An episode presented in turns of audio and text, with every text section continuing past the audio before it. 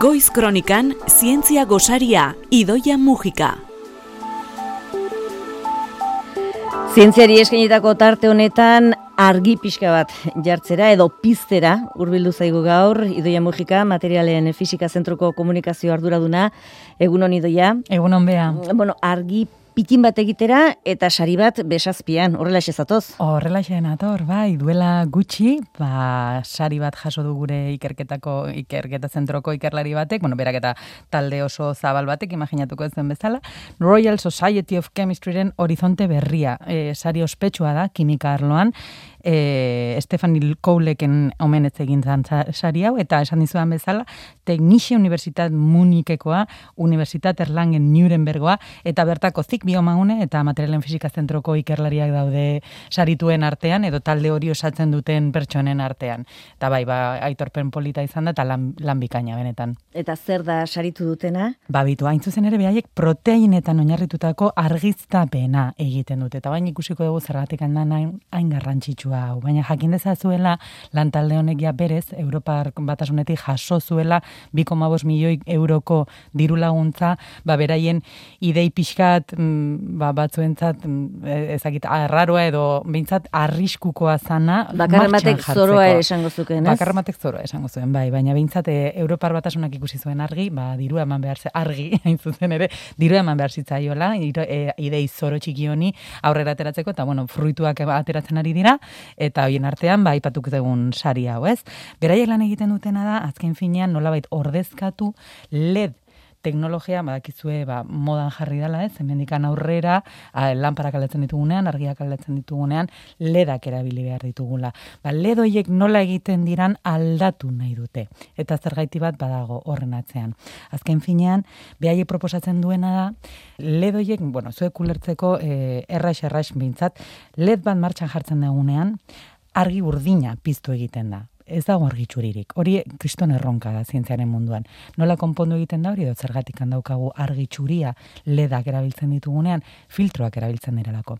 Normalean filtroiek ez organikoak izaten dira. Hau da, erabilea berdira, ba, elemento batzuk naturatik ateratzen ditugunak, fosforoa adibidez, kadmioa ere bai, horrelako elementuak oso urriak diranak naturan eta hau arazo bat izan daiteke agian ez orain, baina hemendikan 10, 15 urtetara behintzat danok aldatzen baditugu lanpara hauek, danok beharko genituzke filtro hauek eta naturari eskatu beharko genizkioke ba, elementu horiek eskura eukitzea. Eh? Gaur egun garatu diran teknologian oinarria elementu gutxi horietan dago.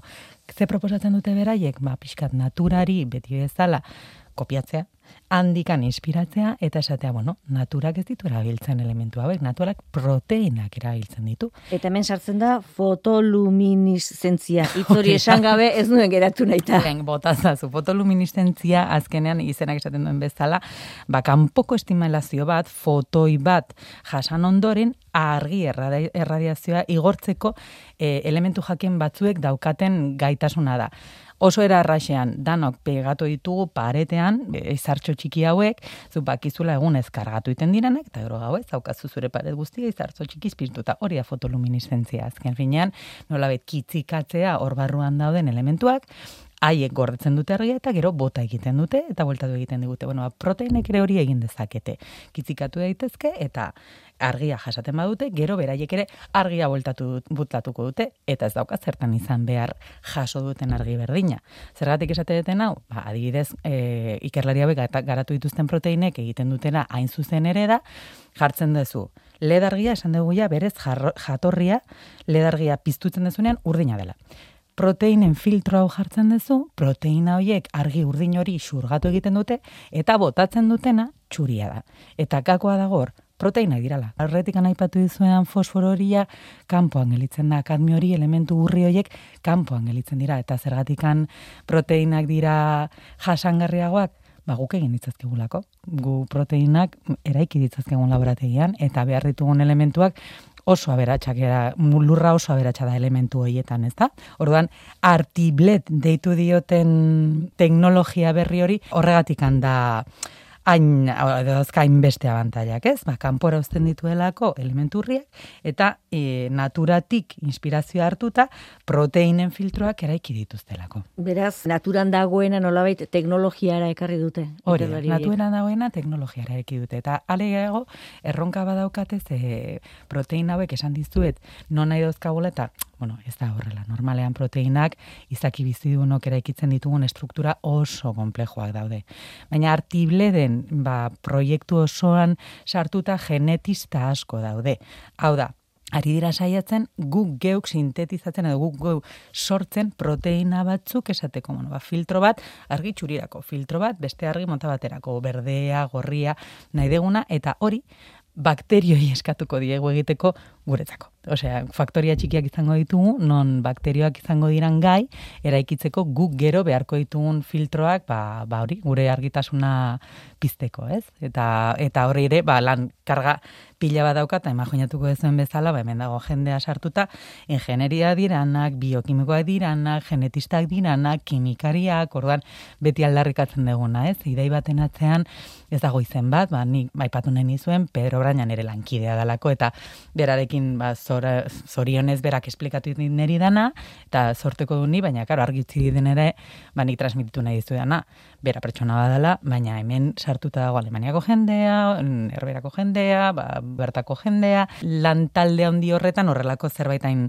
hain potente eta hain, hain polita lortu izan dute. Azken galdera bat, eh, fotoluminiszentzia hori naturan maiz aurkitzen den gauza bada, bakterioek bakarrik ematen dute? Ez, ez, biolumineszentzia adibidez itxasoetan non nahi dago. Nik ez nekien eta datu honek eh, atentzioa deitu dit, e, lau izaki bizionetatik iruk argia sortzen dute e, itxasoan. Eta zentzua dauka, ze gu beti pentsatzen dugu itxasoan, ba, inguruan daukaguna, ez? Baina inguruan daukaguna, justu oso sakonera ondian ez dagoena da, ba, jaten ditugu narraiak, ba, normalean ez dira, ez dira pizten, hola. Baina, karo, e, itxasoa oso zabala da, eta oso e, ondo oso ondia dauka, horrazpian iluntasun pila badago, horrazpian bizitzeko argia sortzeko gai izan behar dira. Eta horri bioluminiszentzia sort deitzen zaio. Orduan, izaki bizi duenetatik itxasokoak iruk argia egiteko gai dira. Eta eta argi horri bioluminiszentzia deitzen digu. Baina hemen inguruan itxasoan bintzat ez ditugu ikusten, baina bain udan danok ikusi ditugu ipurtargia. Bai, eta prozesua bera da? Ipurtargien prozesua kasu honetan pixka desberdina da, ze beraiek erreakzio kimiko bat erabiltzen dute, kemoluminiszentzia ditzen zaio, baina bai egiten dutena oso ondo da egonkortu argi hori, ez? Adibidez, hori beste erronka bat zan artiblet proiektuaren zat, ze hitz egin dizu, eta ba, bai, gizaki bizidunak, ba, gai dira largia sortzeko, baina argi hori zelula barruan egiten dute, eta hor barruan proteinako sondo zainduta dute, edo erreakzio kimiko hauek ba, zelula barruan egiten dira, eta oso ondo kontrolatzen dira, baina guk hortik kanpo nahi ditugu, gur nahi ditugu lanparatxo batean euki, eta hor bizi daitezen, inungo itzaki bizi honi gabe, hau da, ba, egon kortua egotea, ez? Beraiek, hau, gure ikerketalde honek egin duena da, justu, ba, lortu den gauzarik zailena da proteina hoiei esplikatu ez. Etzera egongo zelula barruan lasai lasai zen den bezala zure izaki bizi duenean, baina jarriko izugu plastikotxo bat, polimero bat ditzen diogu guk, eta hor aber egonkorrazean eta egonkortzea lortu dituzte. Orduan, lortzea ingurune hori proteina horrek funtzionatu dezan, bai purtargi batean funtzionatzen duen bezala, edo izaki dizudun batean funtzionatzen duen bezala. Ba, zelula batean sartuta egongo balitz bezala, hori ere erronka ontzia zan. Eta lortu dute. Eta bueno, bai purtargiak erabiltzen dutena hain konkretuki izena behintzan deri grazia handia egiten dit, luciferasa ditzen da. Ez dakit zein jarri zion izena, baina behintzat neri bea, etorte zain burura. Bai. De, deabrukeria. Deabrukeria, bai. Ba horrela ditzen zaio molekula horri eta molekula bada, luciferina eta arren oksidazioa, gau reakzio kimiko bada, baina bueno, bai purtargiak behintzat erabiltzen dute, beraien artean komunikatzeko, konkretuki arrek piztun dute, lehenengo, ipurdia, seinale bat ematen diote emei eta emeek erantzun behar dute, ba hor elkar topa dezaten, ez? Eta orain gau hauetan tarteka marteka ikusiko ditu orduan ikuste dituzunean, gogoratu bioluminiszentzia, gogoratu hor norbaitek ikusi zuela eta urari begira, ba, gaur egun agian hemendikan etorkizunean ekiko ditugun ledak asko ze jasangarriagoa dira eta naturatik gertu Eta naturatik asko, asko izango dute. Ba, doia, mugika materialen fizika zentruko komunikazio arduraduna, mila esker, beste behin gurera argi pixka bat. Ekartzegatik, ondo segi? Eskerrek asko zuei. Aio.